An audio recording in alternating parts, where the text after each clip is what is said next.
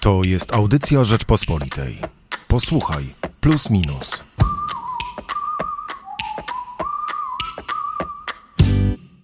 Życie na podsłuchu to temat najnowszego magazynu Plus Minus. Przyjrzeliśmy się nie tylko temu, czym jest e, Pegasus czy podobne e, oprogramowania, ale temu, jak w ogóle zmieniło się nasze życie, jak skończył się czas takiej beztroski, kiedy, e, kiedy podsłuchiwanie i w ogóle śledzenie nas było bardzo trudne. To już się skończyło i o tym dzisiaj porozmawiamy w podcaście. Michał Płociński i Hubert Salik. Czyli w takim redaktorskim duecie. Jeżeli chodzi o życie na podsłuchu, to mamy trzy teksty do zaoferowania e, Państwu. Po pierwsze, Marcin Muniewski e, pisze o tym, jak nas można podsłuchać.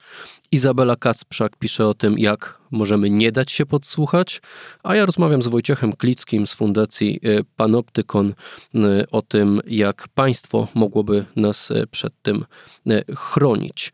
No ale jak zajrzymy dalej do magazynu Plus Minus, to mamy na przykład Piotra Zaręba, który przygląda się temu, jak Polski Ład może wpłynąć na notowania Mateusza Morawieckiego.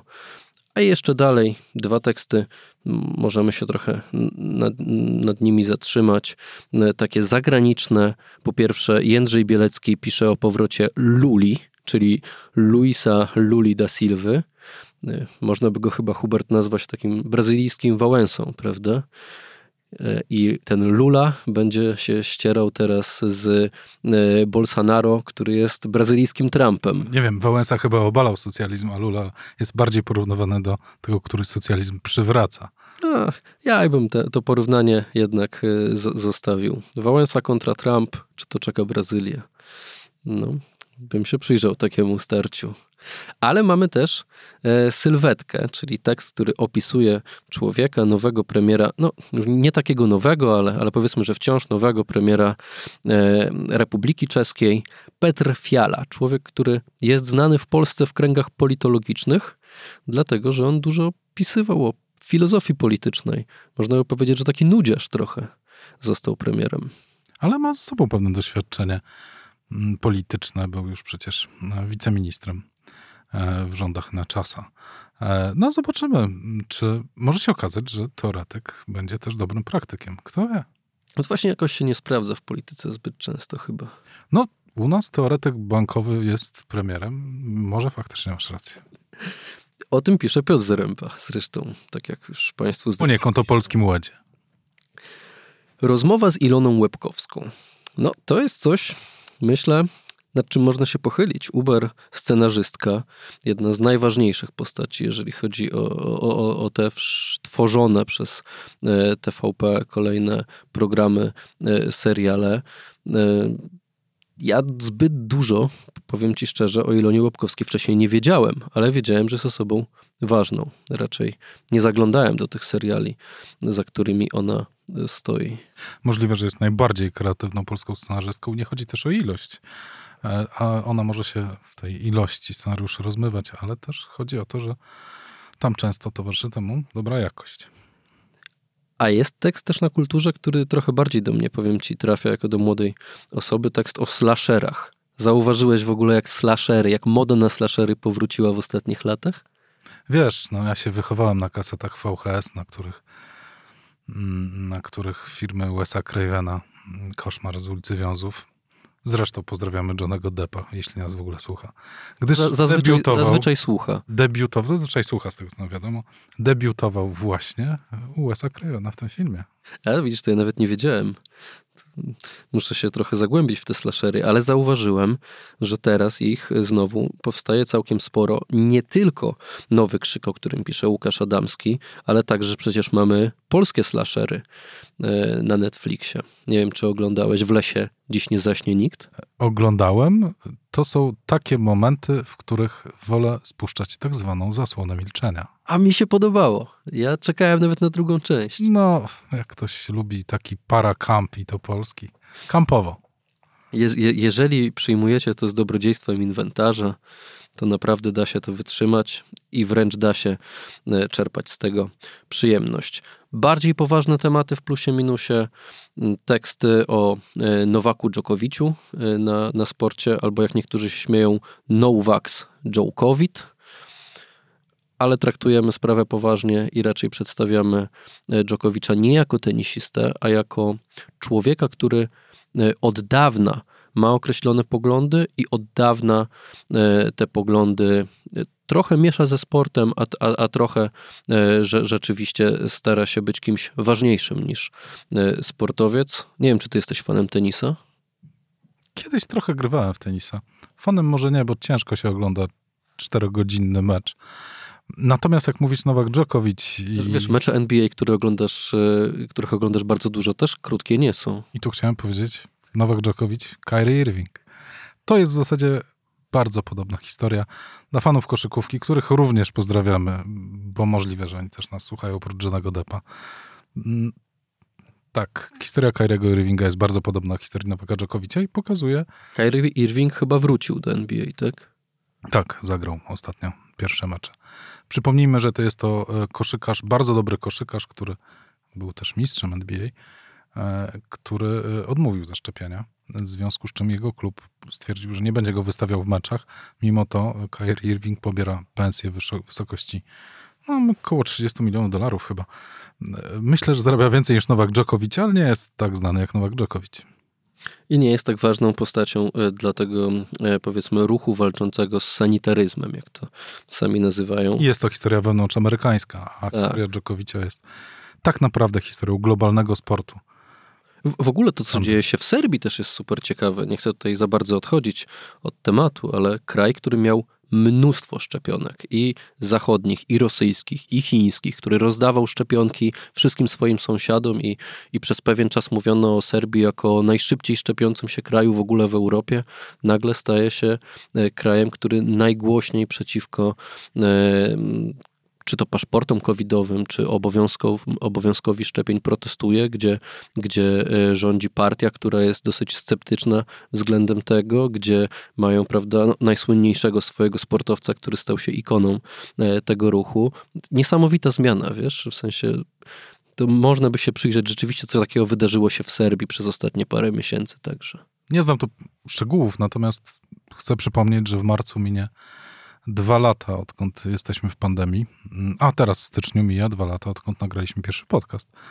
Czyli prawie jesteśmy tu zgrani i po dwóch latach można być trochę zmęczony pandemią, więc niektóre społeczeństwa po prostu zaczynają reagować inaczej. Zwłaszcza, że mogą też odbierać, że pewnym rozczarowaniem jest to, że szczepionki miały zagwarantować bezpieczeństwo, a w długim okresie e, tak naprawdę no, musimy się szczepić pewnie co 6 miesięcy. Tak, o czym pisał zresztą niedawno w Plusie Minusie Cezary e, Kościelniak.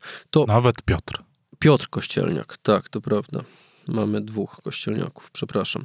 E, w plusie minusie mamy. Pewnie ich jest dużo więcej oczywiście. Ale już tak na poważnie to e, chciałbym o jeszcze jednym tekście wspomnieć, bo on trochę tutaj nawiązuje do, do, do Petra Fiali, bo mamy drugi tekst, o, a tak naprawdę z, bo to jest wywiad, z filozofem polityki i to z, pewnie jeszcze bardziej znanym niż Petr Fiala, bo z filozofem, który przez no, kilkadziesiąt lat wykładał na Oksfordzie z profesorem Zbigniewem Pełczyńskim, znanym w kręgach politologicznych, który niestety w zeszłym roku zmarł. Ale zdradzę Państwu, że e, dostaliśmy od razu e, tuż po, po jego śmierci propozycję opublikowania właśnie wywiadu z profesorem Pełczyńskim. Tylko czekaliśmy na decyzję rodziny, czy możemy ten wywiad opublikować i czego w tekście oczywiście nie ma, to, to tutaj zdradzę, mm, dowiedzieliśmy się od rodziny, że, że profesor Pełczyński, jeżeli czytał polską prasę, oczywiście po tych kilkudziesięciu latach, od, od wojny tak naprawdę był, mieszkał w Wielkiej Brytanii, to sięgał w ostatnich latach konsekwentnie po Rzeczpospolitą i na pewno, tak nam powiedzieli po prostu e, członkowie jego rodziny, na pewno by się cieszył, gdyby ten wywiad ukazał się akurat w Rzeczpospolitej, więc z czystym sumieniem nieautoryzowany pośmiertny wywiad Zbigniewa ze Zbigniewem Połczyńskim znajdą Państwo na końcu magazynu plus minus. No ale o tych podsłuchach mieliśmy porozmawiać, bo ja stawiam taką tezę, Hubert, że rzeczywiście chyba najważniejsze z tych trzech tekstów, które mamy, i Marcina Uniewskiego, i Izabeli Kacprzak, i z wywiadu z Wojciechem Klickim, to przebija mi się mm, jednak taka refleksja tutaj, że skończył się czas beztroski, że my po prostu musimy się teraz zastanawiać nad tym, czy ktoś nas słucha, czy ktoś nas może podsłuchać, co my tak właściwie mówimy, co my tak piszemy, że no w ogóle chyba świat y, poszedł w taką stronę, nie chcę mówić od razu, że znaną na przykład z Orwella, ale że no, mi to się nie do końca podoba. No, myślę, że ktokolwiek słyszał o aferze Pegasusa nie chciałby być przedmiotem takiej inwigilacji. Więc chyba nikomu by się nie podobało. Natomiast nie wiem, czy strach nie jest zwykle obecny.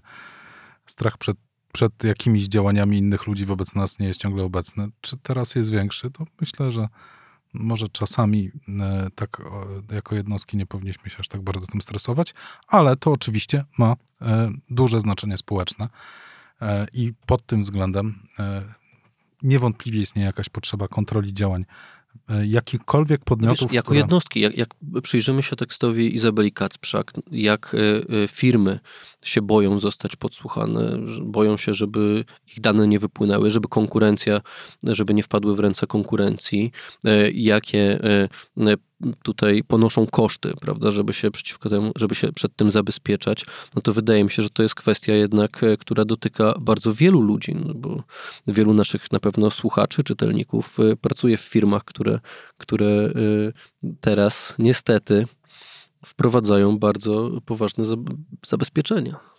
Chciałem tylko powiedzieć, mówiąc o tym strachu, że że zawsze jest jakaś epoka, w której się czegoś boimy. No, w czasach zimnej wojny baliśmy się ataku atomowego.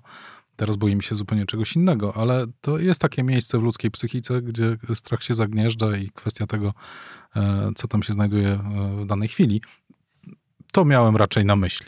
E, natomiast jeśli chodzi o to, o czym mówisz, nie chcąc tego bagatelizować, jeśli chodzi o firmy, chcę zwrócić uwagę, że mamy ze sobą dwie dekady, w których jeden wielki kraj i jego firmy w zasadzie przejęły know-how innych krajów i innych firm. E, I te firmy nie zdążyły się zorientować, że urósł im rywal, który w pewnym momencie w niektórych dziedzinach nawet je pokonał. No, nie chcesz tego powiedzieć głośno, no to wiadomo, że chodzi o Chiny. E, I no rzeczywiście znam wielu, wiele osób, które nie kupuje chińskich produktów, na przykład chińskich telefonów, z tego względu, że nie wie, w jaki sposób będą śledzone, prawda? Jeszcze, nie wiem, 10 lat temu to nawet do głowy by człowiekowi nie przychodziło, nie przychodziły takie argumenty podczas y, konsumpcyjnych wyborów, mam wrażenie.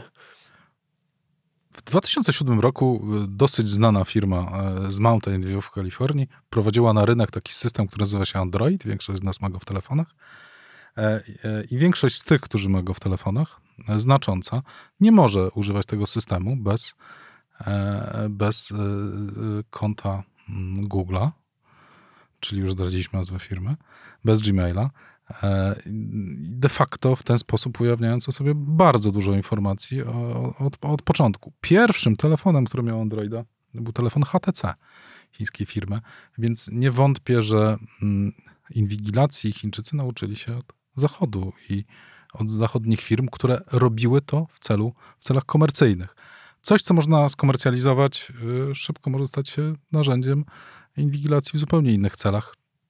Czego jesteśmy świadkami? Niedawno rozmawialiśmy o tym, niejednokrotnie pisaliśmy przez ostatnie lata o tym, jak Facebook monetyzuje informacje o swoich y, y, użytkownikach. To jest ciągle odsłona tego samego procesu nawet jeśli stoi za nim inna motywacja. No ale jeżeli rozmawiamy dzisiaj o inwigilacji, to oczywiście mm, punktem wyjścia do takiej rozmowy, dyskusji, debaty jest afera Pegasusa. Więc nie tylko chodzi tutaj o inwigilację ze strony komercyjnej, ale ze strony także służb państwowych.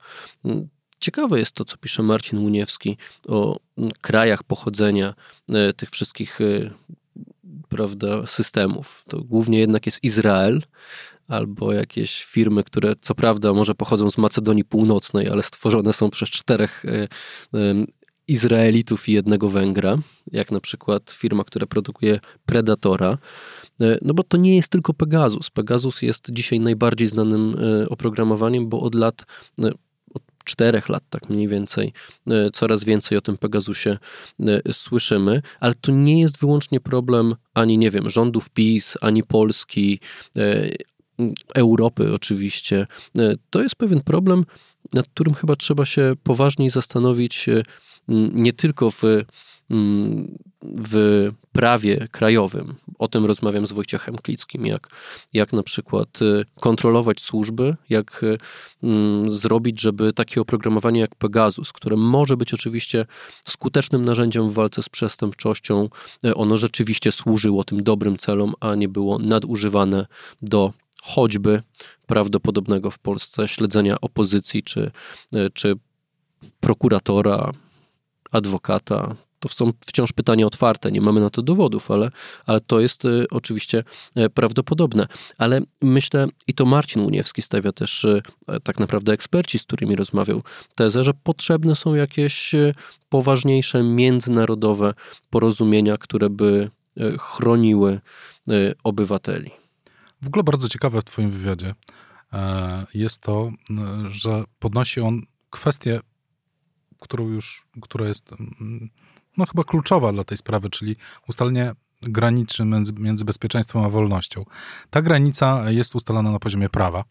E, e, sztywne określenie, gdzie, leży, gdzie leżą możliwości e, inwigilacji, infiltracji obywateli, ewentualnie ludzi, przede wszystkim tych obywateli, którzy są podejrzani o przestępstwa i tylko do tego powinno się to sprowadzać, jest bardzo ważna. Tylko problem polega koniec końców na tym, że wydaje mi się, że ustalenie takiej granicy jest niemożliwe, bo e, strony zawsze będą chciały ją przesuwać, o czym też trochę mówi twój rozmówca, czyli e, służby zawsze będą chciały mieć trochę więcej możliwości pozwalających im na inwigilację, a ci, którzy ustalają prawo, jak najbardziej chcieliby je ograniczyć.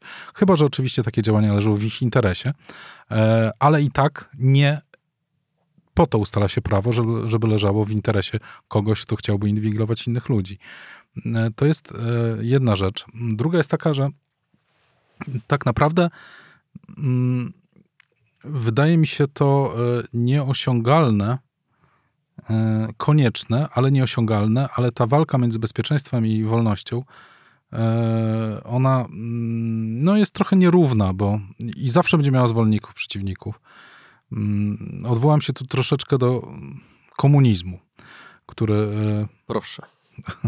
który, który przecież urzekł tylu, tylu intelektualistów no, e, i jako idea był niezwykle atrakcyjny. Już wspomnę Leszka Kułakowskiego czy Zygmunta Baumana w Polsce.